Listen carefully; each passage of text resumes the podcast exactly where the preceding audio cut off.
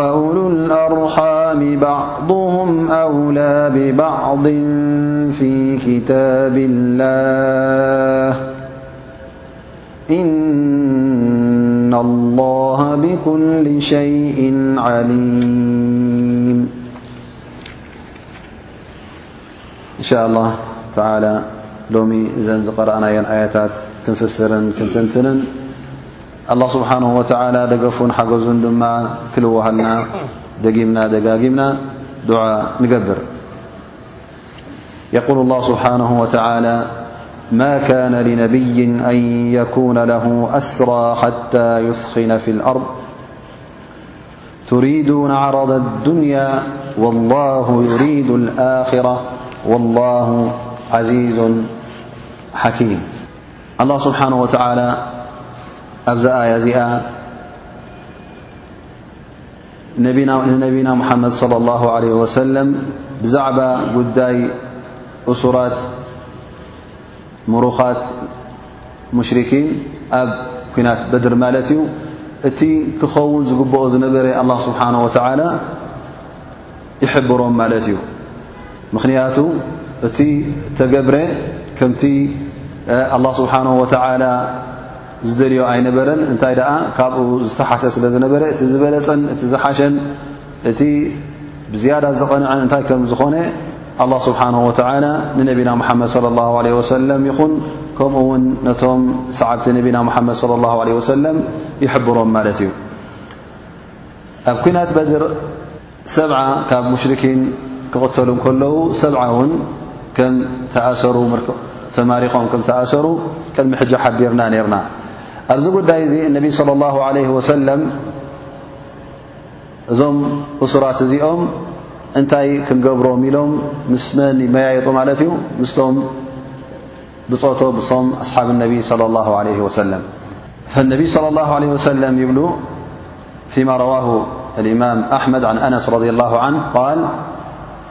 استشار النبي - صلى الله عليه وسلم - الناس في الأسارى يوم بدر فقال إن الله قد أمكنكم منهم فقام عمر بن الخطاب فقال يا رسول الله اضرب أعناقهم فأعرض عنه النبي - صلى الله عليه وسلم - ثم عاد رسول الله صلى الله عليه وسلم فقال يا أيها الناس إن الله قد أمكنكم منهم وإنما هم إوانكمبالأمفقام عمر فقال يا رسول الله اضرم أعناقهم فأعرض عنه النبي صلى الله عليه وسلم ثم عاد النبي صلى الله عليه وسلم للناس فقال للناس مثل ذلك فقام أبو بكر الصديق - رضي الله عنه فقال يا رسول الله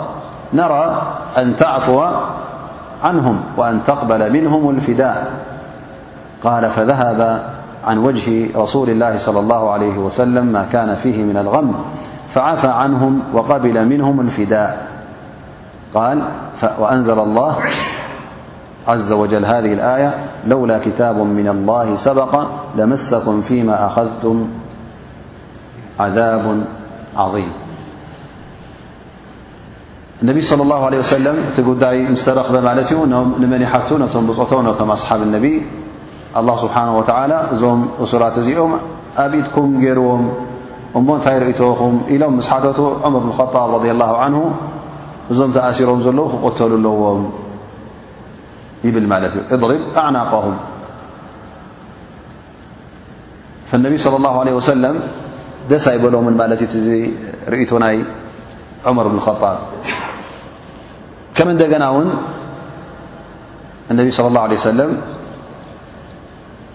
የማኽሩ ማለት እዩ ኣዩሃ ናስ ያ ኣዩሃ ናስ እና ላ ድ ኣምከነኩም ምንሁም ኣላ ስብሓን ወተላ ኣብትኩም ገይርዎም ኣሎ እኦም ድማ ትማሊ ኣሕዋትኩም እዮም ነይሮም ካብኦም ኢኹም መፅእኩም ማለት ኣብ መንጎኹምን ኣብ መንጎኦምን ወለዶ ሎ ሓደ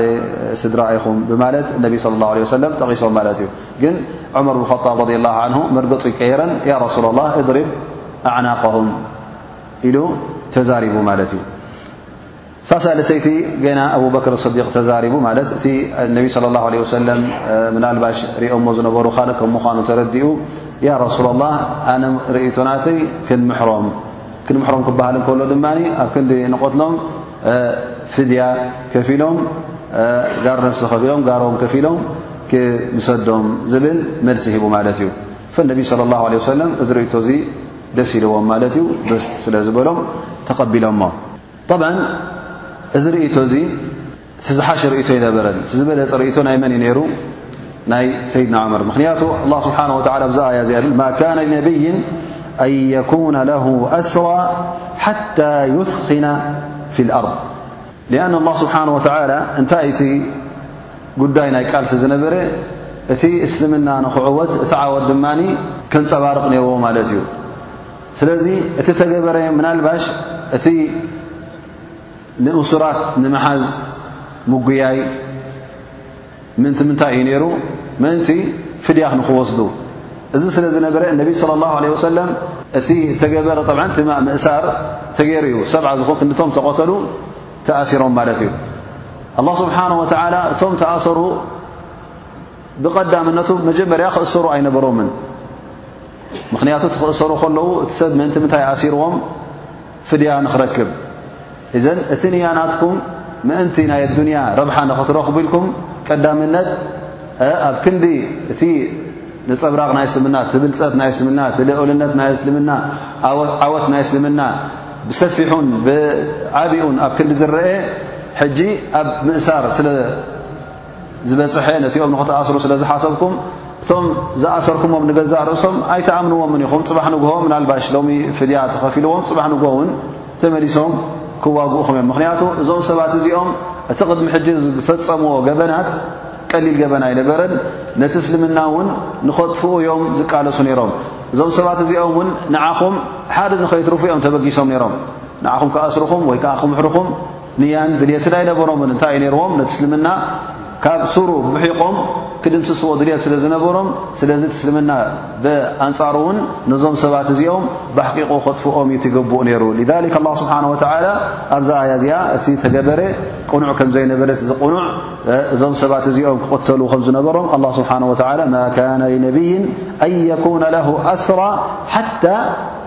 ዩስኺና ፊል ኣርድ እሱራት ክውሰዱ እንተ ደኣ ኮይኖም ድሕሪ ኣየና እዩ ድሕሪ እቲ ነጸብራቕ ዘለዎ ዓወት ዓብዪ ዓወት ምስ ተገበረ ድሕሪኡ ባዕሎም ብኢዶም ተሂቦም እዚ ናቶም ጉዳይ ግን መጀመርያ እቲ ውጡእ ጸብለልትነት ናይ እስልምና ክረአ ኣለዎ ማለት እዩ ذሊክ ኣላህ ስብሓን ወተዓላ ቱሪዱና ዓረض ኣዱንያ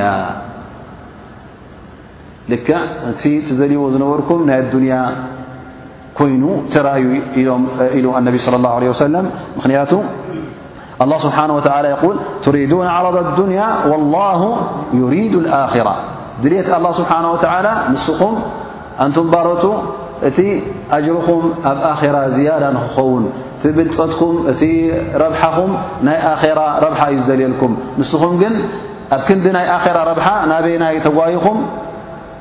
ናፍቲ ናይ ኣዱንያ ረብሓ እሱራት ንኽትሕዙ እሱራት ሕዝኩም ድማ ካብኦም ፍድያ ጋር ነፍሲ ንኽትቀበሉ እሱ ጥራይ ርእትኹም ስለ ዝኾነ እዚ ቅኑዕ ኣይነበረን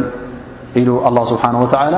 ነቲ ቅኑዕ ኣላ ስብሓን ወላ ነቢና ሓመድ ስ ሰለም ይሕበረሎም ኣሎ ማለት እዩ ወላሁ ዓዚዙን ሓኪም ኣላ ስብሓን ወተዓላ ድማ ፍፁም ሓያል እዩ ፍፁም ዕዙዝ እዩ ንዕኡ ዝሐይሎ የብሎን ከምኡ ውን ኣላ ስብሓን ወተዓላ ሓኪም እዩ ጥበበኛ እዩ ኩሉ ነገራቱ ንናቱ እናሃበ እዩ ኣላ ስብሓን ወተዓላ መመሰሉ ዝሕልወሉ ኣላህ ስብሓን ወተዓላ ዓዚዝ ሓያል ስለ ዝኾነ ባሮቱ እውን እቶም ሙእምኒን እውን ሓያላት ክኾኑ እዩ ዝደልዮም ናብኡ ናብ ኣላ ስብሓን ወተዓላ ተጸግዐ እውን ኩሉ ግዜ ሓያል እዩ ዝኸውን ምኽንያቱ ናብ ሓያል እንተ ደኣ ተደጊፍካ ናብ ሓያል እንተ ደኣ ትጸጊዕካ ሓያል ትኸውን ማለት እዩ لكن الله سبحانه وتعالى حبر سهب لولا كتاب من الله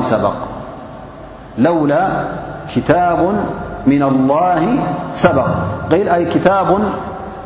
ني في أم الكتاب لوح المحفوظالله سبحانه وتعالى سر ن م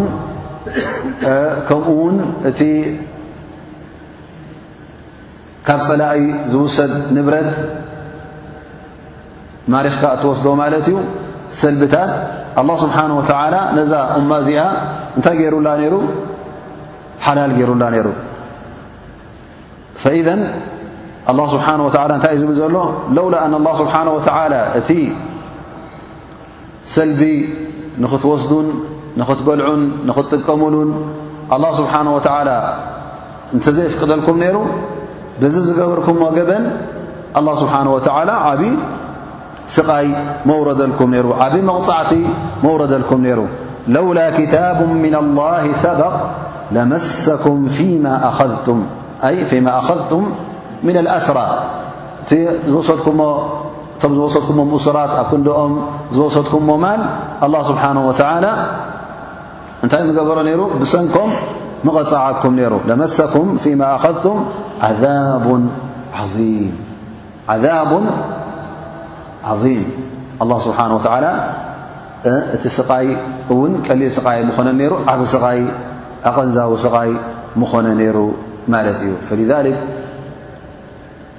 ካብቲ ተኣምር ናይዚ እስልምና ንገዛእ ርእሱ እነቢይ صለ ላሁ ለ ወሰለም እውን እቲ ቁርን ባዕሎም ሰሪዖሞን ባዕሎም ሶኺዖሞን ነይሮም እተዝኾኑ እዚ ከም ዝኣመሰለ ነገራት ኣብ ቁርን ኣይመተቐረአን ነይሩ ሊኣን ላ ስብሓን ወተላ እንታይ እዩ ዝብል ዘሎ እነቢ ስለ ላ ሰለም ዝገበርካዮ ስጉምቲ ዝወሰድካዮ ቁኑዕ ኣይነበረን እዩ ዝብሎ ዘሎ እነቢ ስለ ላ ሰለም እዚ ሕጂ ንዕኦም ከም ነቐፌታ ማለት እዩ ስለዚ ነቐፌታ ነቢ ስ ሰለም ነብሶም ኣይምነቐፉን ነይሮም መውፅኢ ምደለይሉ ላስ እቲ ጉዳይ ተገይሩ እዩ ቁኑዕ ኢሎም መሕለፍዎ ነይሮም ላኪን እዚ ነገር እዚ እቲ ሓበሬታ ዝወስድዎ ዝነበሩ ነቢ ለ ላሁ ለ ወሰለም ብኢደወነኖም ኣይኮነን ደስ ኢልዎም ኣይኮነን ዊንተኦም ኣይኮነን እንታይ ደኣ ካብ ኣላ ስብሓን ወተዓላ ዝመሓላለፍ ሓበሬታ ስለ ዝኾነ ኣላ ስብሓን ወተዓላ እውን እንተ ደኣ ሓደ ዓይነት ስጉምቲ ዝወሰድዎ እንተ ደኣ ከምቲ ግቡእ ከምቲ ኣላ ስብሓን ወተዓላ ዝደልዮ እንተዘይኮይኑ እነቢ ኣላ ስብሓን ወተዓላ ናፍቲ ቕኑዕ ይሕብሮም ነይሩ ማለት እዩ ናፍቲ ቕኑዕ ይሕብሮም ነይሩ ስለዚ ዝበለፀ ስጉምቲ እንታይ እዩ ነይሩ እቲ ኹናት ክካየዱ እንከሎ እነቢ ስለ ላሁ ለ ወሰለም ናብ ሰብ ምእሳር ናብ ጸላኢ ምእሳር ናብኡ ንኸይጓየዩ ምሓበርዎም ነቶም ብጾቶም ነቢ ስ ሰለም እውን ቀዳምነት ነዚ መዓስከር ናይ ሙሽርኪን ጸላእቲ እስልምና ዝነበሩ ንእስልምና ክበንቁሩ ዝመፁ ነዞም ሰባት እዚኦም እንተ እቲ ከምቲ ግቡእ ኩሎም ክቐትሉ ቀሪቦም ስለ ዝነበሩ ኩሎም ክቕተሉ እዩ ነይሮም ኣብቲ ዓውዲ ኩናት ንኽተሓዙ እውን ኣይ ምተገብረን ነይሩ ብዝብል ኣላ ስብሓን ወተዓላ ሓቢሮም ላኪን ኣላ ስብሓን ወተዓላ እውን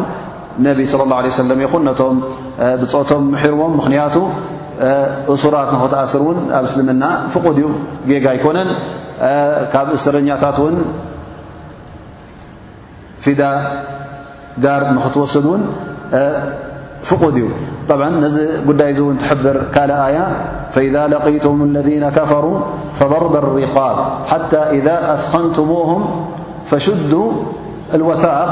ፈኢማ መነን ባዕዱ ወኢማ ፊዳእ ያኒ ኣላ ስብሓን ወተዓላ ነዛ እማ እዚኣ ኣፍቂዱላ እዩ እንተደኣ ኣብ ኩናት ኣብ ዓውዲ ኩናት ተኻይዱ ድሕርቲ ጸበልትነት ዓወት ምስ ተራእየ እሱራት ንኽትሕዝ ይፍቀዳ ማለት እዩ እዞም ተኣሲሮም ዘለዉ ድማ ወይ ሊላህ ኢልካ ተመሓርካዮም ናትካ ጉዳይ እዩ ወይ ካብኦም ፈኢማ መነን ማዕናኣ የሙኑ ዓለይህም ብዱን ሙቃብል ብዘይ ገለ ነገር ወኢማ ፊዳ ፊዳእ እውን ጋር ነፍሲ ኮይኑ ወይ ከዓ ካልኦት እሱራት እንተ ነሮም ኮይኖም ዝፀላኡን ምስኦም ክትለዋወጥ እዚ እተፈቕደ ይኸውን ማለት እዩ ፈኢዘን ኣላ ስብሓን ወተዓላ እቲ ዝበለፀ ጉዳይ እንታይ ከም ዝነበረ እዩ ነቢና ሙሓመድ ስ ሰለም ዝሕብሮም ዘሎ ማለት እዩ ለውላ ክታቡ ምን ላ ሰበቃ ለመሰኩም ፊማ ኣኸዝቱም ዓዛቡን ዓظም ثم يؤكد الله سبحانه وتعالى نر ن الله سبحانه وتعالى يفقم كمنو بزيادة آيا فكلوا مما غنمتم حلالا طيبا واتقوا الله إن الله غفور رحيم ت ت وسدكم حلالكم ي بلعو لأن الله سبحانه وتعالى لال يرلكم ي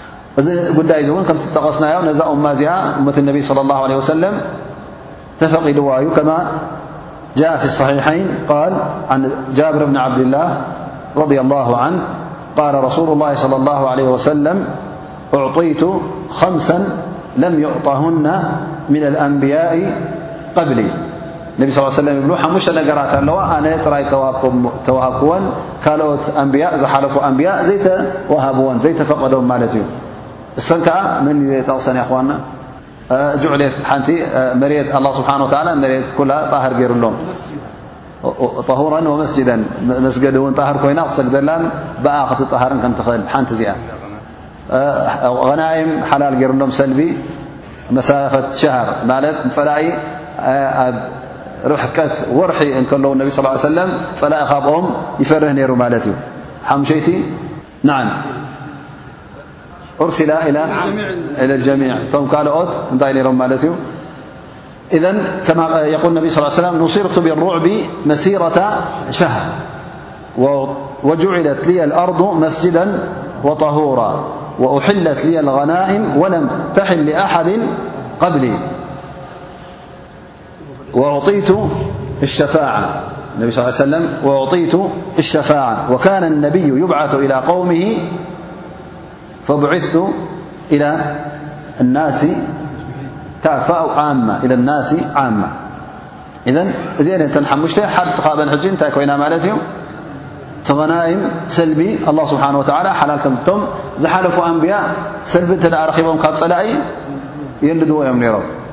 ክበልዕዎ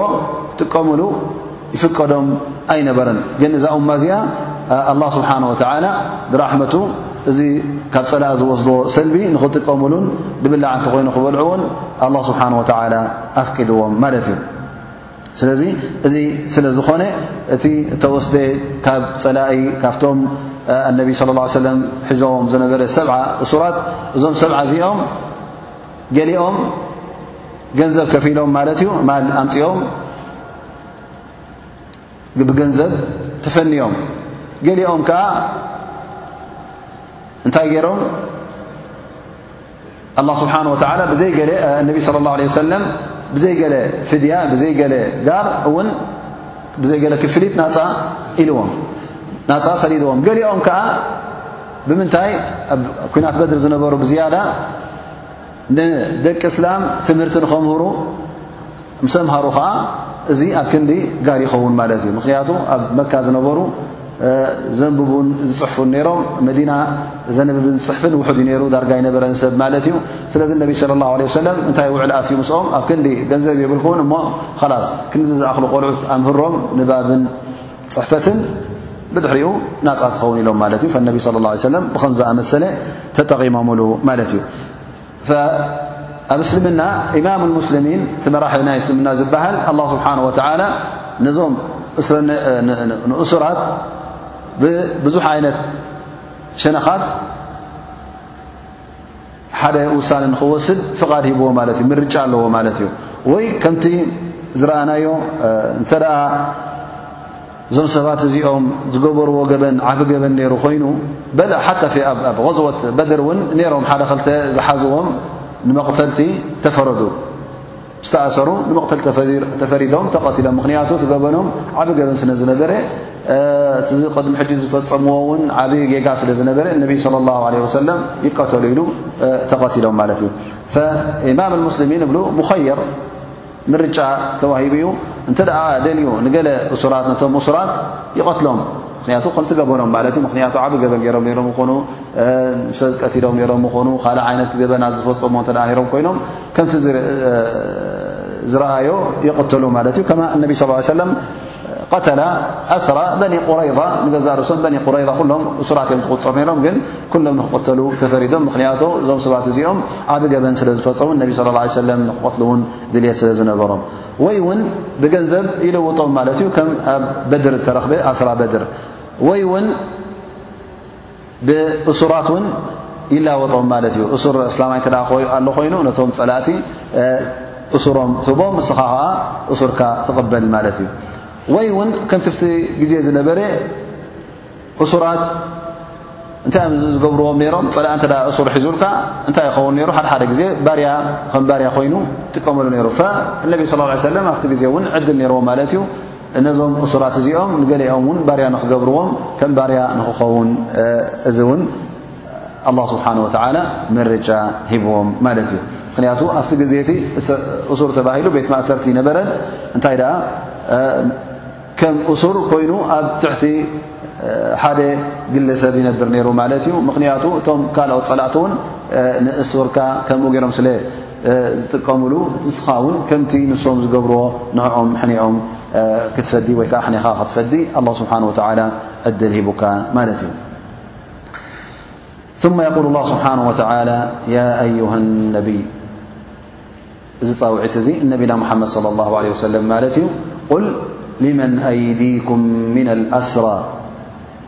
إن يعلم الله في قلوبك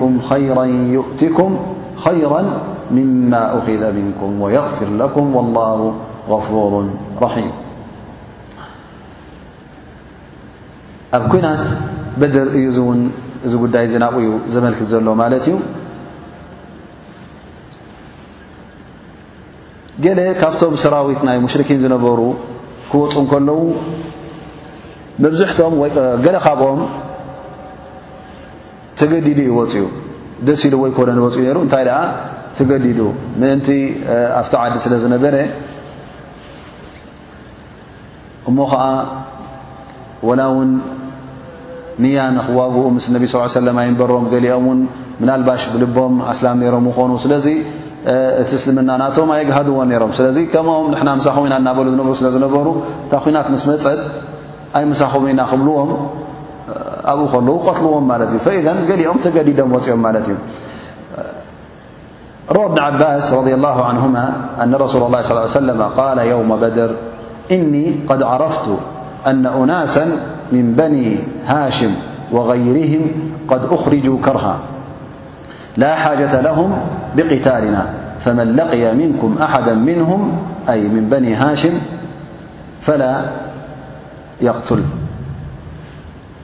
ومن لقي أبا البحتري بن هشام فلا يقتله ومن لقي العباس بن عبد المطلب فلا يقتله فإنه إنما أخرج مستكرها فقال أبو حذيفة بنعبة أنقتل آباءنا وأبناءنا وإخواننا وعشائرنا ونترك العباس والله لئن لقيته لألجمنه بالسيف فبلغت رسول الله صلى ال عليه وسلم فقال لعمر بن الخطاب يا أبا حفز قال عمر والله إنه لأول يوم كنان فيه رسول الله صلى اله عليه وسلم أبا حفز فيقول النب يا أبا حفظ أيضرب وجه عم رسول الله صلى الله عليه وسلم بالسيف فقال عمر يا رسول الله إئذ لي فأضرب عنقه فوالله لقد نافق لأنه طبعا أمر الرسول ل ليه وسلم قال اعترد على أمر انبي صل لى ليه وسلم فكان أبو حذيفة يقول بعد ذلك والله ما آمن من تلك الكلمة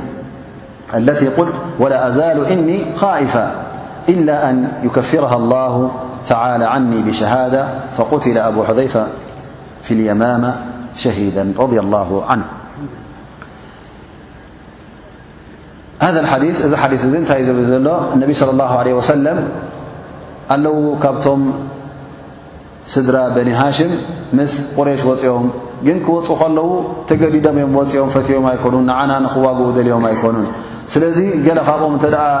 ኣብ ቅድሚኹም ጸኒዕኹም ጸኒሖምኹም ኣይትቕተልዎም እሶም ምኽንያቱ ንክቐትልኹም እውን ድልዋት ኣይኮኑን ኢሎም ማለት እዩ ነቢ ስለ ላሁ ለ ወሰለም በኒ ሃሽም ሓደ ካብ በኒ ሃሽም ተዳሪኹም ግደፍዎ ወመን ለቂ ኣበልቡሕቱሪ ኣበልቡሕቱሪ ዝበሃል ነይሩ እውን ንዕኡ እውን ኣይትቕተልዎ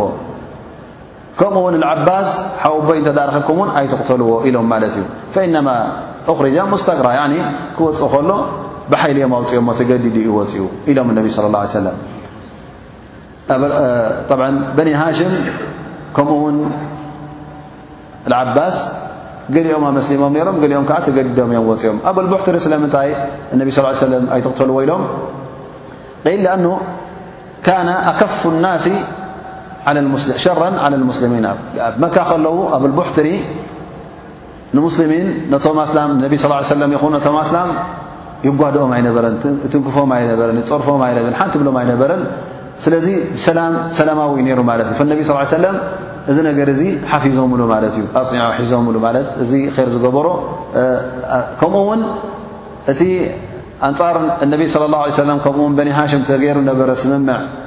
ቁሬሽ ንበኒ ሃሽም ከምኡውን ነቢ ስ ሰለም ምስኦም ንኸይራኸቡን ንኸይዛረቡን ንኸይሻየጡን ንኸይገዝኡን ዝተገበረ ውዕል መጀመርያ ነዚ ውዕል እዚ ዝበተነ መን እዩ ነይሩ ኣብልቡሕትሪ እዚ ስለ ዝኾነ ነቢ ስለ ላሁ ለ ወሰለም እዚ ዝገበሮ ር ሓፊዞምሉ ማለት እዩ ስለዚ እንተ ረኺብኩሞ ኣብ ዓውዲ ኲናት ኣይትቕተልዎ ኢሎም ግን እዚ ሰብ እዚ ኣብዚ ዓውዲ ኲናት ተቐቲሉ እያ ክዋን ከመይ ዩ ተቐቲሉ ኣብ ልቡሕትሪ ኣብ ዓውዲ ኲናት በድር ክካፈል እንከሎ እናተዋጋኡ ከሎ ንሱ ካልእ ዓርኩ ነይሩ ምስኡ ማለት እዩ ኣብቲ ዓውዲ ኩናት ሕጂ እናተዋግኦ ከሎ ሓደ ካብቶም ኣስሓብ ነቢ ስለ ላ ለ ሰለም መፅእ ማለት እዩ ሕጂ ክልቲኦም ዝፀንሕዎ ማለት እዩ ፈይብሎ የኣበል ቦሕትሪ እስኻ ነቢ ስ ሰለም ኣይተቕተልዎ ስለ ዝበና ገለል በለ ሕና እዚ ካልኣይካ ክንዋግኦ ኢና ክንቃተል ኢና ምስ እብል ማለት እዩ ኣብል ቦሕትሪ ኢልዎም ኣነ እዚ ዓርከ እዩ ስለዚ ወይ ንክልቴና ትገድፉና ወይ ከዓ ንክልቴና ትዋግኡና ኢሎም ማለት እዩ ኣነ ምስ ዓርከ የ ምስ ሓወ ኣይፍለይን እየ በዚ ሰንኪ እዚ ኣብዛ ኩናት እዚኣ ተዋጊኦም ማለት እዩ ክልቲኦም ኣዕሩኽ ብሓንሳእ ሞይቶም ማለት እዩ ከምቲ ግቡእ ከምቲ እተኣዘዝዎ ኣስሓብ ነቢ ኣይንቐትለካይን ኣኢሎም እሞ ግን ንሱ ኣመማ ሱቕ ኢለ ይርሕቅኩምን እየ ዓርከይ ክትቐትሉ ከለኹም ወይ ከዓ እቲ ምሳይ ብፃየይ ዘሎ ክትቀትሉ ከለኹም ስለ ዝበለ በዚኣ ተቐቲሉ ደኣ እምበር ከምቲ እነቢ ስ ሰለም ዝኣዘዝዎ ኣይ ክቐትልዎ እቶም ኣስሓብ ነቢ ስ ሰለም ክቐትልዎ ኣይደለዩን እዚ ነገር እዚ ምስ በሉ ነቢ صለ ላه ለ ሰለም ኣቡ ሑዘይፋ ይብል ከመይ ገይሩ ረሱል ስ ሰለም እዚ ዓይነት ትእዛዝ ዝእዝዘና ንሕና ኣቦታትና ኣሕዋትና ደቅና እናቐተልና ከለና ሓወቦይ ኣይተቕተሉለይ ስድራ ኣይተቕተሉለይ ዝብለና ኢሉ ተዛሪቡ ማለት እዩ ነቢ ስ ሰለም ከምዚ ክብሉ ከለዉ ይፈልጡ ነይሮም እቶም ክወፁ ከለዉ ብድልቶም ከም ዘይወፁ ገሊኦም እውን ናብ እስልምና ከም ዝኣተዉ እምበር ናይ ሓወቦኻ ኮይኑ እነቢ ስ ሰለም ዝኸፈአ ፅላኢኦም መን እዩ ነይሩ ኣቡለሃብ ካብኡ ዝኸፍ ኣይነበረን ነቢ ስለ ላ ለ ሰለም ን ንክቐትል ነቢ ስ ሰለ ንክወግእ ጥራይ ነቢ ስ ሰለ ንክጓዳእ ንክጎድእ ጥራይ ዝቃለስ ዝነበረ እሞ ኣብ ቁርን እውን እቲ ክሳዕ ሎሚ ኣብ እሳተ ጀሃነም ከም ዝድርበን ክሳዕ ሎሚ ውቁስ ከም ዝነበረን ኣብ ቁርን ንቕርኦ ዘለና መን እዩ ሓወቦኦም ነቢ صለ ላሁ ለ ወሰለም ስለዚ ናይ ስድራን ታሽሙ ገይሮም ማለት ኣይኮኑን እንታይ ደኣ እቲ ዝነበረ ስለ ዝፈልጥዎ ማለት እዩ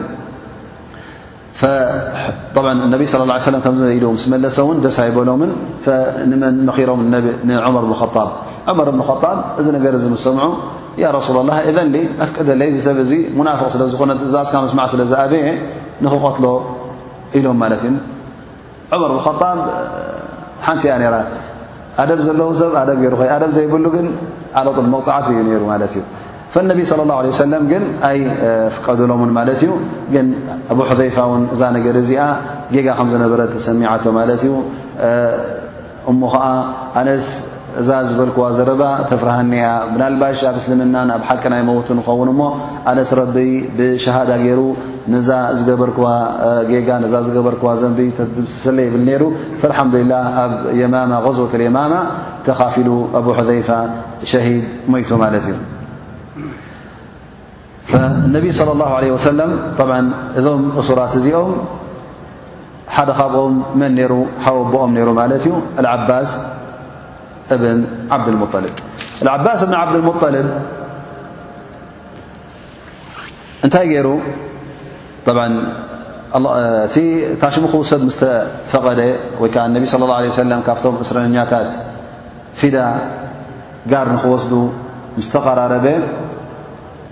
العباس يبل يا رسول الله أنا أسلماري أنا مري ف خفل يقول في الديث بعثت قريش إلى رسول له يه سلم في فداء أسراهم عن قري زدد جميرة مالي فكلففدى كل قوم أسيرهم بما رضو وقال العباس يا رسول الله قد كنت مسلما أن أمل فقال رسول الله صلىل ليه وسلم الله أعلم بإسلامك سلمن ربفلل فإن يكن كما تقول فإن الله يجزيك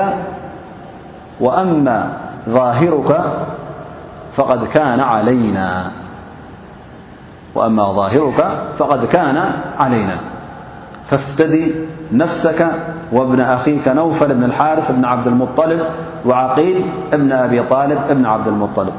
وحريفك عتبة بن عمر أخي بني الحارث بن ثير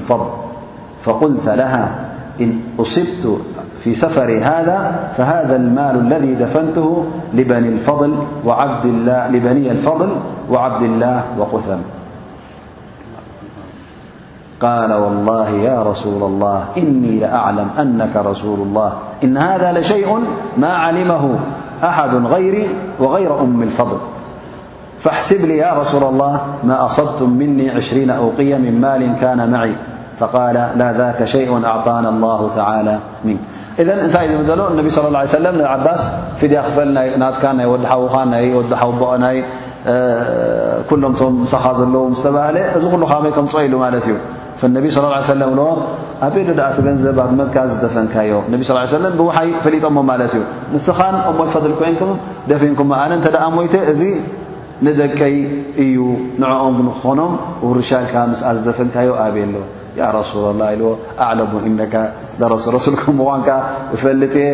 ኢሎም እሞ ኸላስ ኢሉ እቲ ነገር ተኸሽፉ ማለት እዩ እዚ ነገር እዚ እውን ብጀካይን ብጀካ ኡም ልፈضል ዝረኣዮ ይነበረን ስለዚ እስኻ ረሱል ከም ምኳንካ ብዝያዳ እውን ሕጂ ተረጋጊፀ ይብል ማለት እዩ እቲ ዝግባእ ከፊሉ ማለት እዩ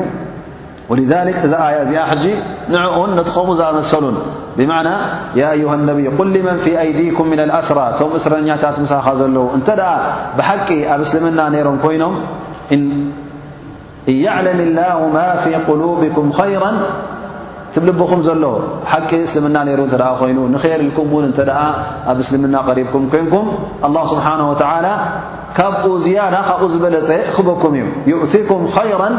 ምማ ኡክዛ ምንኩም ምናልባሽ ሕጂ ስለምንታይ ንሕና ኣብ እስልምና ከለና እስላም እንዲና ነርና ስለምንታይ ገንዘብ ፍድያ ክፈሉ ንበሃል ዘለና ትብሉ ዘለኹም ኣላ ስብሓን ወተላ እንተ ብሓቂ እምነት ኣብ ልብኹም ነይሩ ኮይኑ እዚ ዝውሰድ ዘሎ ካባኹም ካብኡ ዝበለጸ ኣላ ስብሓን ወተዓላ ክፈድየኩም እዩ ዩእትኩም ኸይራ ምማ ኡኽዛ ምንኩም ኣብ ርእሲኡ ድማ ወየغፍር ለኩም ወላሁ غፉሩ ራሒም ላ ስብሓን ወተዓላ ኣብ ኣዱንያ ካብቲ ዝተወስደ ካባኹም ካብኡ ብዝያዳ ዝበለጸ ክበኩም እዩ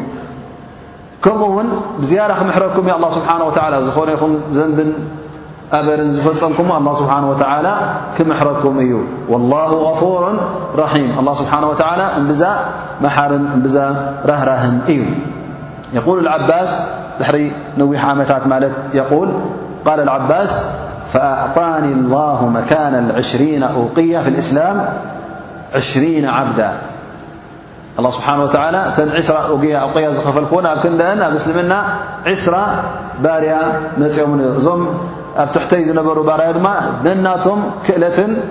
ፍልጠትን ዝነበሮም እቶት ዘለዎም ኮይኖም ረኺበዮም ይብል ማለት እዩ ኣብ ርእሲኡ ድማ እቲ ኣላ ስብሓን ወተዓላ ዝበለኒ መቕፊራን ምሕረትን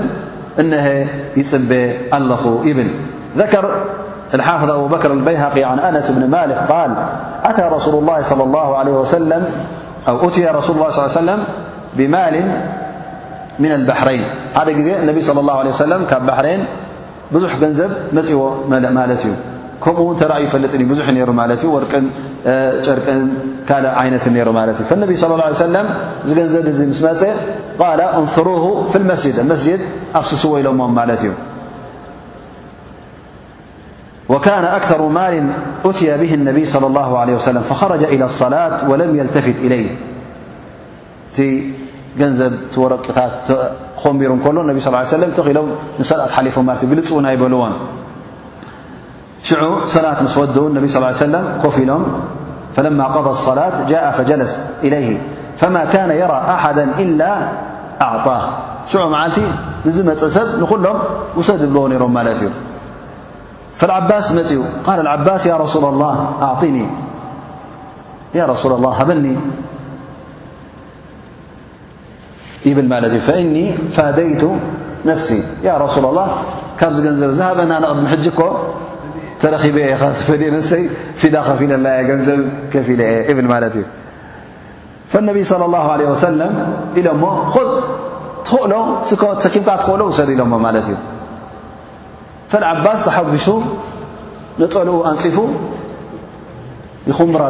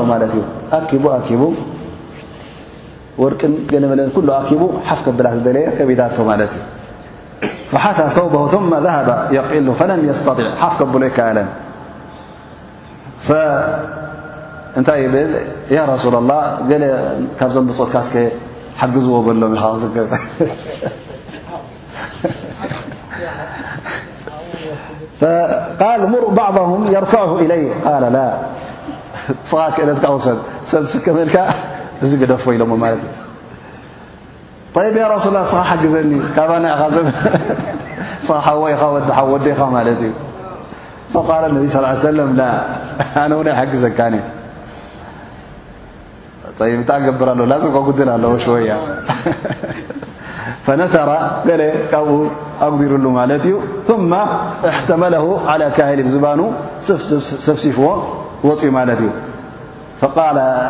الراوي قال فما زال رسول الله صلى الله عليه وسلم يتبعه بصرة حتى خفي عنه عجبا من حرصه فما قام رسو الله ه سلم وثم منها درهم روه البخر في موضع من صحح تعلق بሲقة ال እዚ ተሰኪሙ እዚ ዘይበሃል ከቢድዎ ክወጽእ ከሎ ነቢ ስ ሰለም ብጣዕሚ ተገሪሞም ክሳዕ ዝወጽእ እውን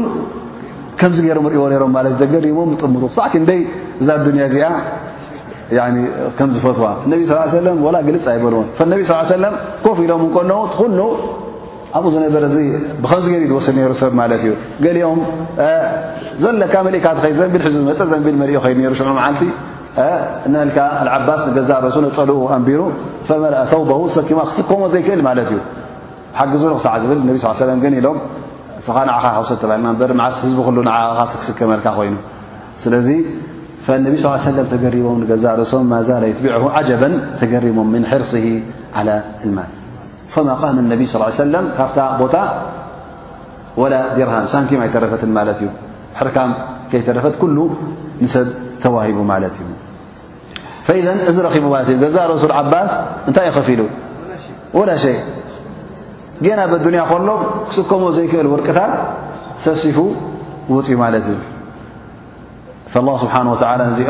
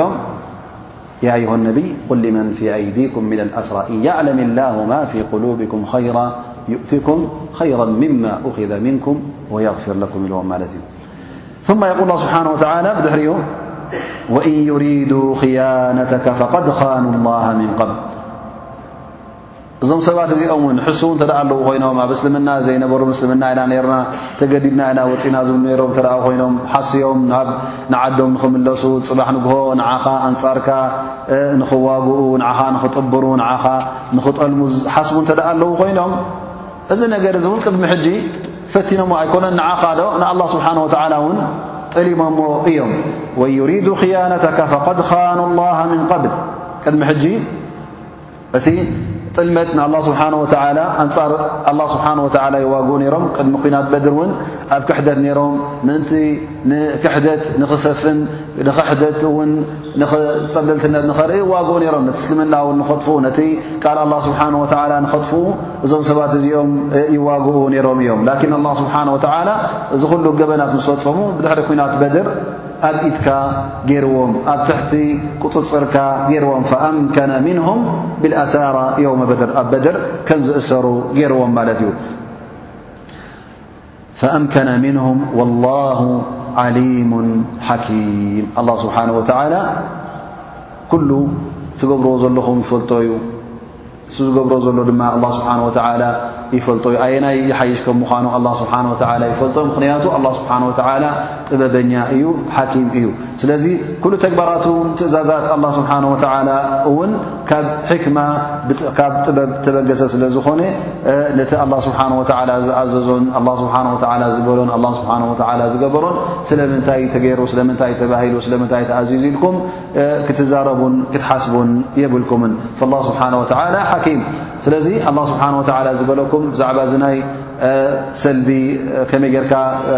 ከም ዝወሃብ እስረኛታት እንታይ ዝግብኦም እቶም ዝኸፈሉ እውን ኣላ ስብሓን ወተዓላ ንጋር ነፍሶም ፊድያ ከፊ ኢሎም ዝወፁ እውን እዚ ኩሉ ተገበረ እውን ኣላ ስብሓን ወተዓላ ይፈልጦ እዩ ብጥበቡ እዩ ገይርዎ እዩ ዝብሎም ዘሎ ኣላ ስብሓንሁ ወተዓላ ثመ የቁል ላ ስብሓን ወተላ እነ ለذነ ኣመኑ ወሃጀሩ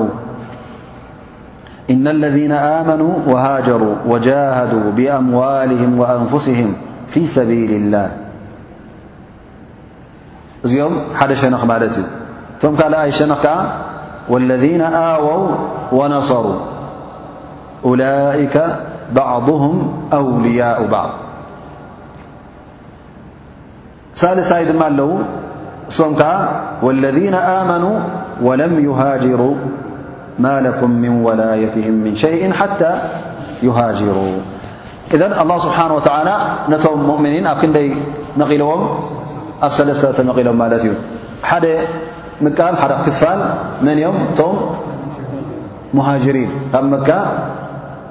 ንመዲና ዝፈለሱ ማለት እዩ እዞም ሰባት እዚኦም ካብ ሃገሮም ካብ ዓዶም ካብ ቤቶም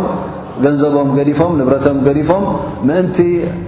ዓወት እስልምና ንእስልምና ንክዐውቱን ንነቢና ሓመድ ስ ሰለ ንክድግፉን ኣብቲ መርገፁ ኮይኖም ክቃለሱን ነዚ ዲን እዚ ንኸቕሙ እዚ ኩሉ ንብረት ገዲፎም ዓዶም ገዲፎም ዝወጹ ማለት እዩ እዚኦም ከዓ እንታይ ስመዩ ነይሮም ሙሃጅሪን ላ ስብሓን ወተላ ነዚኦም እና ለذነ ኣመኑ ወሃጀር እዮም ኣሚኖም ብኣ ስብሓን ወተላ ምእንቲ ኣላ ስብሓን ወተላ እውን ምእንቲ ዲኖም ንኽዕቅቡ እውን ካብ ንዓዶም ጠንጢኖም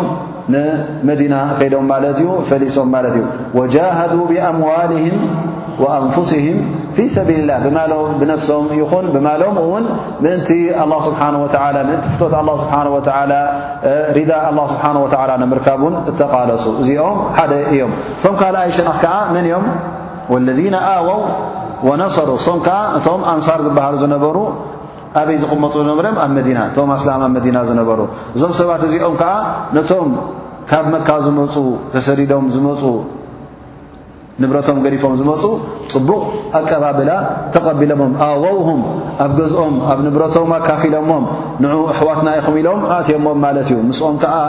ለፊኖም ሓደ ኢድ ሕውነት ገይሮም ማለት እዩ ላ ስብሓን ወተላ እዚኦም እንታይ ይብል ኡላይከ ባዕضሁም ኣውልያኡ ባዕል እዚኦም ልክዕ ከም ሓደ ኣካል እዮም። ካብ ካልእ ሰብ እሶም ነንድሕዶም ይቀራረቡ። ወላ እውን ካብ ሓዎም ወድዲኦም እንተ ደኣ ኣብቲ እምነቶም ዘየሎ ኮይኑ ካብቲ እምነቶም ዝወፅኦ ኣሎ ኮይኑ ንሶም ብዝያዳ ይቀራረቡ ማለት እዩ። እቲ ሙሃጅር ካብ መካ ሃጂሩ ዝመጸ ካብቶም ኣብ መካ ገዲፍዎም ዝመጸ ደቁን ኣሕዋቱን ሰበይቱን መን ይቐርቦ እዞም ኣብ መዲና ዝጸንሕዎ ሓንጎፋ ኢሎም ተቐበልዎ ሙእሚኒን ኣስላም ንሶም ይቐርቦ ይብል ኣላ ስብሓን ወተዓላ ፈኢዘን ኣላ ስብሓን ወተዓላ እንታይ እዩ ዝገብር ዘሎ መንጎ ሙሃጅሪን ኣንሳርን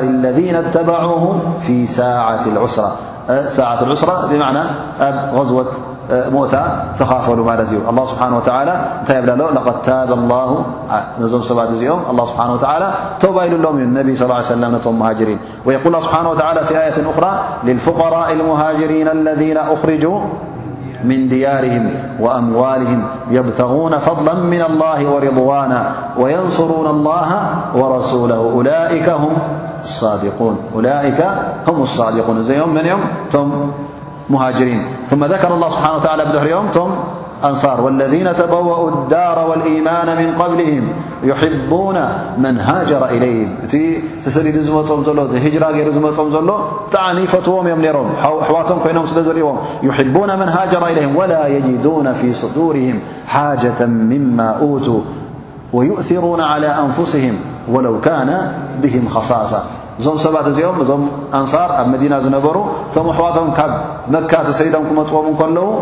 እቲ ንዕኦም ኢሎም ኣንቢሮምዎ ዝነበሩ ገንዘብ ይኹን ገዛ ይኹን ኣሕሊፎም ንበን ይብዎም ነይሮም ነቲ ሙሃጅር ነቲ ሓዎም ማለት እዩ ወላ እውን ጉድኣት ይውረዶም ወላ እውን ከይተደረሩ ሕደሩ ቀዳምነት መን ይደረር እቲ ሓውና ተሰዲዱ መፅኡ ኢሎም ንዕኡ የሕልፉ ነይሮም ማለት እዩ ፈላ የጅዱና ፊ ሱዱርህም ሓጃ ኣብ መንጎኦም እውን ሓሰድ ኣይነበረን ፈፂሞም እውን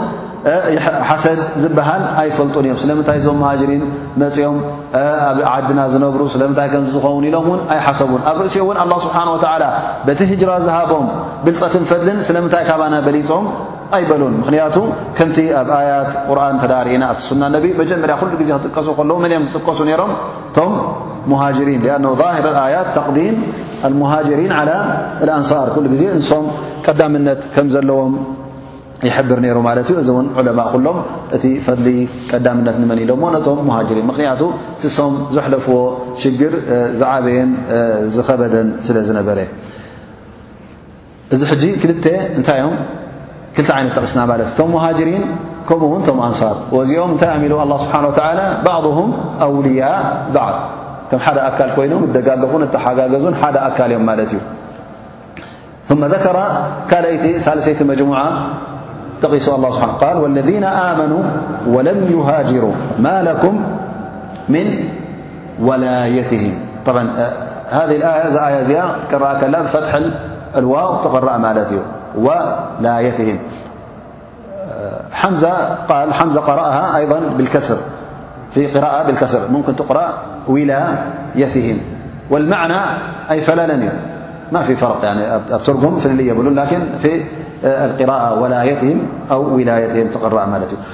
ወለዚነ ኣመኑ ወለም ዩሃጅሩ ማለኩም ምን ወላየትህም ምን ሸይእን ሓታ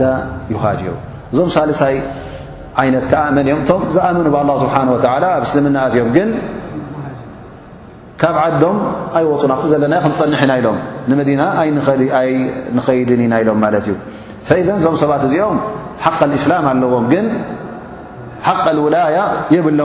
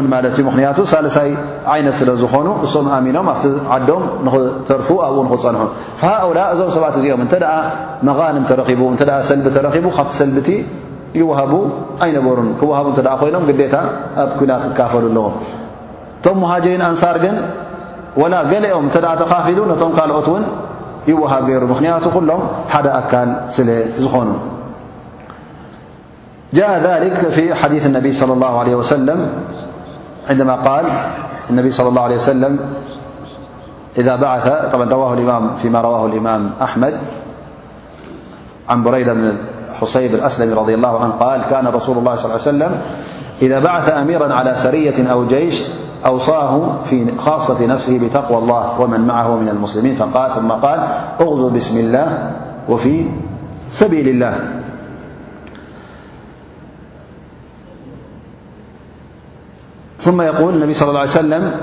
قاتلوا من كفر بالله إذا لقيت عدو الله من المشركين فادعوهم إلى ثلاث خصال أو خلال فأيتهن أجابوك إليها فاقبل منهم ودعهم إلى الإسلام فإن هم أجابوك فاقبل منهم وكف عنهم ثم ادعوهم إلى التحول من دارهم إلى دار المهاجرين وعلمهم إن فعلوا ذلك أن لهم ما للمهاجرين وأن عليهم ما على المهاجرين بعا ذ ما فإن أبوا واختاروا دارهم فعلمهم أنهم يكونون كأعراب المسلمين يجري عليهم حكم الله الذي يجري على المؤمنين ولا يكون لهم في الفيء والغنيمة نصيب إلا أن يجاهدوا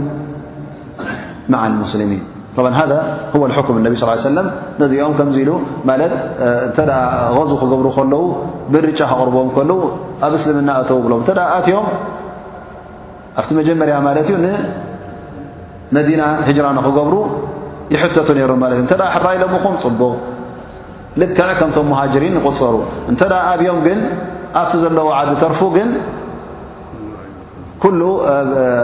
ነገራት ኣይክረኽቡን እዮም ምኽንያቱ እቲ ናይ ሙሃጅሪን ዝወሃብ ነቶም ኣንሳር ዝወሃብ ንዕኦም ኣይ ክበፅሖምን እዩ ስለዚ እዚ እዩ እቲ ምርጫ ነይሩ ማለት እዩ ፈቃል ነቢ ፈቃል የቁልና ስብሓን ወተላ እዞም ሰባት እዚኦም እቲ ውላያ ናቶም ፍልይ ዝበለ ይኸውን ማለት እዩ ثم يقول الله سبحانه وتعالى وإن استنصروكم في الدين فعليكم النصر إلا على قوم بينكم وبينهم ميثاق ملت ዞم ست م م لي عين زيهجر مخم زيتحوسو حق الولاية يبلب نبلن ن نت أ ዞم سبت ዚኦم ብኻልኦት ተጠቂዖም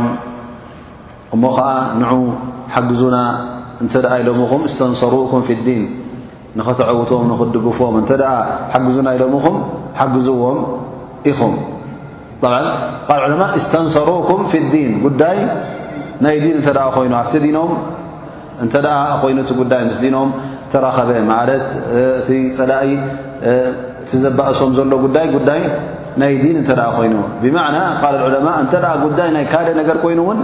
ኣይትሕግዞምን ኢኻ ምኽንያቱ ቀደም ከምቲ ንሕና ንፈልጦ ምናልባሽ ዘባእሶም ዘሎ መሬት ኸውን ዒላ ኸውን ብካልእ ሸነኽ ተባኢሶም ተዋጊኦም ምኾኑ እዚ ሕጂ ወላ ሓግዙና ተብለኹም እዚ ካልእ ነገር እዩ ላኪን ኣብ ዲኖም ዝመፅኦም ነገር እንተ ኮይኑ ዝተንሰሩኩም ፊ ዲን ፊ ኣምሪ ዲን ሓግዝዎም ኢኹም ይብል ኣሎ ኣላ ስብሓን ኢላ በርዱ እቲ ናይ ዲኖም ክትሕግዝዎም እንከለኹም እቲ ምስኦም ኣንፃሮም ዝዋጋእ ዘሎ እንተ ኣብ መንጎኹምን ኣብ መንጎኡን ውዕልን ስምምዕን ነይሩ ኮይኑ እዚ ውዕሊ እዚ ክጠሓስ የብሉን ፈዛ ካነት በይነኩም በይነም ሙሃደና ኪዳን እንተ ነሩ ኮይኑ ኣንጻር እቲ ዝቃለሱ ዘለዉ ኪዳንኩም ሓልዉ እቲ ቃልኩም ውን ሓልዉ ስቂኢልኩም እዚኦም ኣሕዋትና ስላም ኢልኩም ጥራይ በዚ ዓይነ እዚ ኣይትረኣይዎ እቲ ሂብኩምዎ ዘለኹም ቃል እውን ክትሕልዎ ኣለኩም ነቶም ካልኦት ስለዚ ኢላ ዓላ ቆውሚ በይነኩም ወበይነሁም ሚታቅ እንተ መንጎኹምን ኣብ መንጎቶም ካልኦት ሰባት እውን ውዕልን ስምምዕ ነሩ ኮይኑ ነቲ ውዕል ኣይተፍርስዎ ምእንቲ ንዕኦም ንክትሕግዙ ኢልኩም ይብለና ኣሎ ኣላ ስብሓንሁ ወተላ ወላሁ ብማ ተዕመሉና በሲር ኣላ ስብሓን ወተላ ድማ ኩሉ ምንቅስቓሳትኩም ይርኦዩ ካብኡ ዝሕባእ የለን እቲ ዝገብርዎ ዘለኹም ኩሉ ኣብ ቅድሚ ዓይኒ እዩ ዘሎ እሞ ተጠንቀቑ ኢኹም ካብ ኣላ ስብሓን ወተላ ዝሕባእ የለን እቲ ትገብርዎ ዘለኹም ጌጋ እንተ ኮይኑ ካብቲ ኣላ ስብሓን ወተላ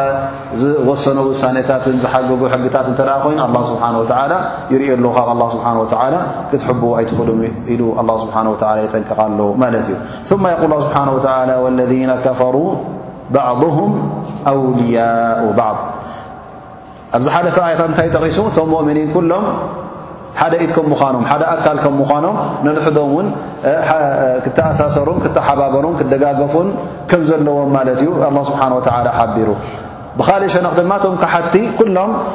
ሓደ ኢድ እዮም ሓደ ኣካል እዮም ስለዚ ሙእምን ሓደ ኣካል እዩ እቲ ካሓደ እውን ሓደ ነፍሱ ዝኸኣለ ኣካል እዩ። ስለዚ ኣብ መንጎኹምን ኣብ መንጎ እቶም ከሓድትን እውን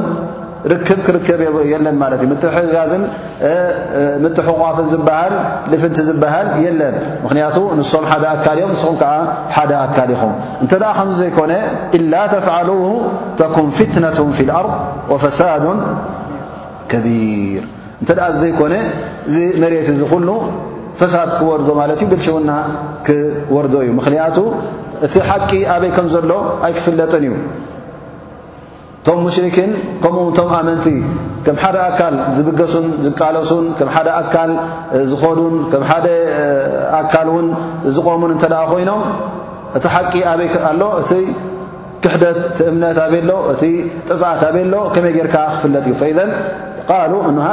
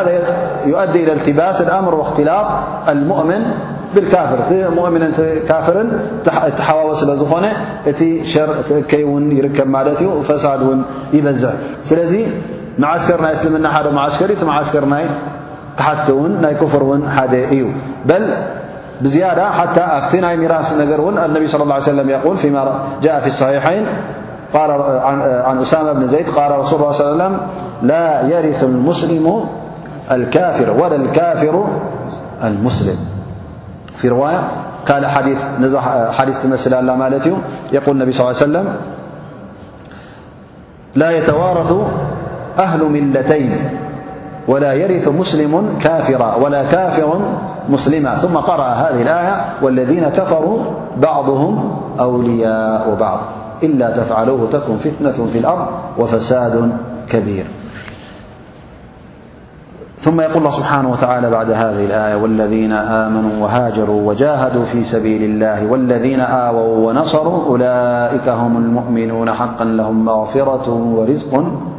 كريم الله سبحانه وتعالى تو المؤمنين بالدنيا ክሳዕ ክንደይ እቲ ዝነበረ ልፍንቲ ኣብ መንጎኦም እቲ ዝነበረ ሕውነት ምስ ጠቐሰ ኣላ ስብሓን ወተላ እቲ ኣብ መንጎ ሙእምኒን ዝርከብ እንታይ ይጠቅስ ኣሎ ብድሕሪኡ ኣብቲ ኣኼራ ዝጽበዮም ዘሎ ር ድማ ኣ ስብሓን ወተላ ኣብዛ ኣያ እዚኣ ይጠቕሰሎ ማለት እዩ ኣላ ስብሓን ወተላ እዞም ሰባት እዚኦም ኣብ መቕፊራን ምሕረትን ከውርደሎም ከም ምዃኑ ከምኡ ውን ዓብ ሽሻይ ይጽበዮም ከም ዘሎ ኣላ ስብሓን ወተላ እውን እዚ ሽሻይ እዚ ቀጻልን ዘይቋራጽን ከም ምዃነ ኣላ ስብሓን ወተላ ይሕብር ኣሎ ወለذነ ኣመኑ ወሃጀሩ ወጃሃዱ ፊ ሰቢል ላህ ወለذነ ኣወው ወነሰሩ እቶም ሙእምኒን እቶም ሙሃጅሪን እቶም ኣንሳር እቶም ምእንቲ ዚ እስልምና እዚ ተቓለሱ እቶም መሬቶምን ዓዶምን ንብረቶምን ገሊፎም ንስ እስልምና ንክሕልዉ እዚ ኩሉ ዝገበሩ ኣላ ስብሓን ወተላ ይብል እዚኦም እቶም እዮም ናይ ብሓቂ ሰብ ኢማን እዚኦም እዮም እዚኦም እንተዘይኮይኑ ሰብ ኢማን ደኣ መን እዩ በዓል ኢማን ክበሃል? መሬትካን ንብረትካን ዓድኻን ስድራኻን ገዲፍካ ምእንቲ ውልካ እትስደድ እተ ኮንካ እዚ እቲ ናይ ብሓቂ እምነት እተ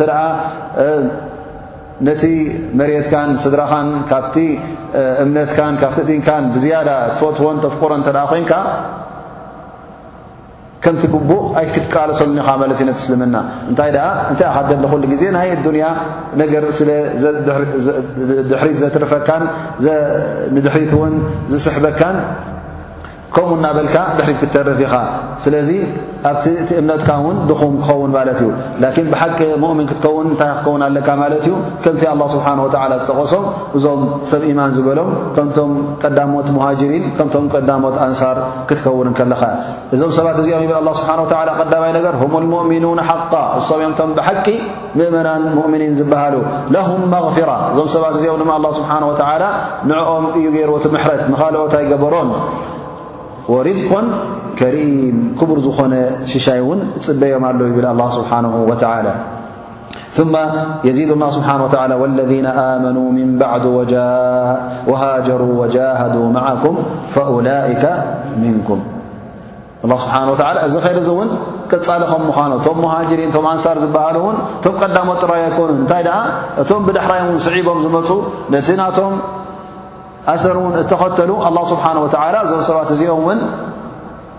ከምኦም ገይርዎም ማለት እዩ ወለذነ ኣመኑ ምን ባዕድ ብድሕሪኦም ዝኣመኑ እዞም ሰባት እዚኦም እውን ህጅራ ዝፈፀሙ ጅሃድ እውን ዝገበሩ ወጃሃዱ ማዓኩም ፈውላከ ምንኩም ሶም ውን ካባኹም እዩ ወእሉ ኣርሓሚ ባዕضም ኣውላ ብባዕض ፊ ክታብ ላህ እና ላሃ ብኩል ሸይ ዓሊም እዚ ኣያ እዚኣ ይብሉ ነቲ ናይ ምምራስ ዝነበረ ኣብ መንጎቶም መን ኣልኣንሳር ወልሙሃጅሪን እቲ ዝነበረ ሕውነት ክሳዕ መድረኹ ቲ መጀመርያ ክሳዕ ክንደይ በፂሑ ነይሩ ክሳዕ ነንሕዶም ንክማረሱ ማለት እዩ ላኪን ጠብዓ ትስልምና እቲ መጀመርያ ውሕዳት እዮም ነሮም ቶም ኣስላም ሓደ ካብ ዝኾነ ስድራ ሓደ ወይ ክልተ እዮም ዝመፁ ነይሮም ስለዚ ቶም ስድራ እንታይ እዮም ነሮም ማለት እዩ ኩሎም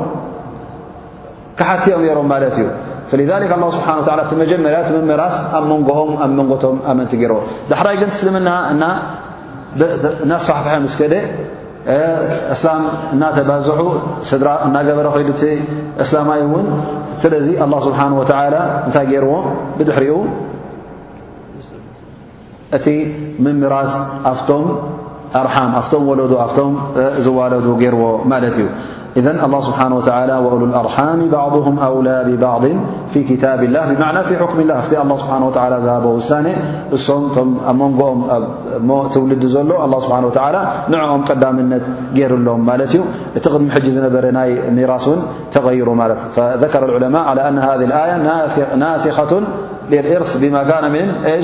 الحلف ين يع بت حون النبي صىاله عليه وسلم ر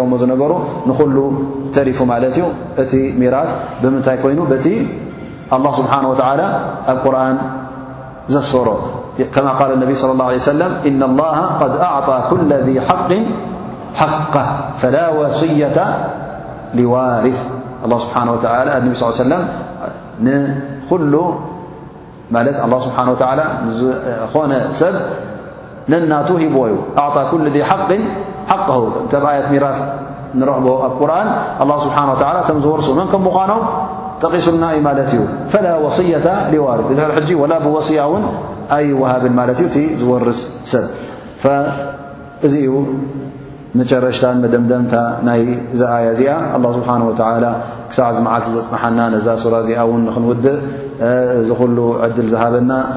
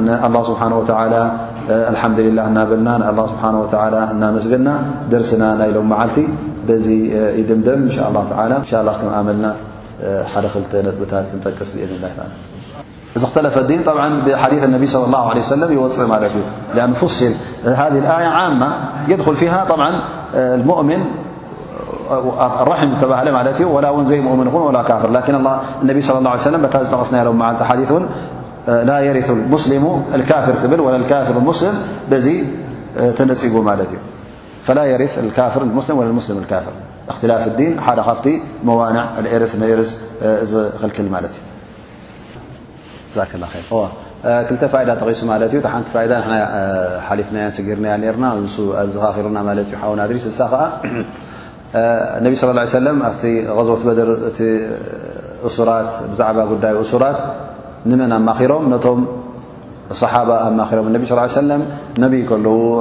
ኣላ ስብሓን ወላ ብዝሃቦም መዓርግ ንዕኡ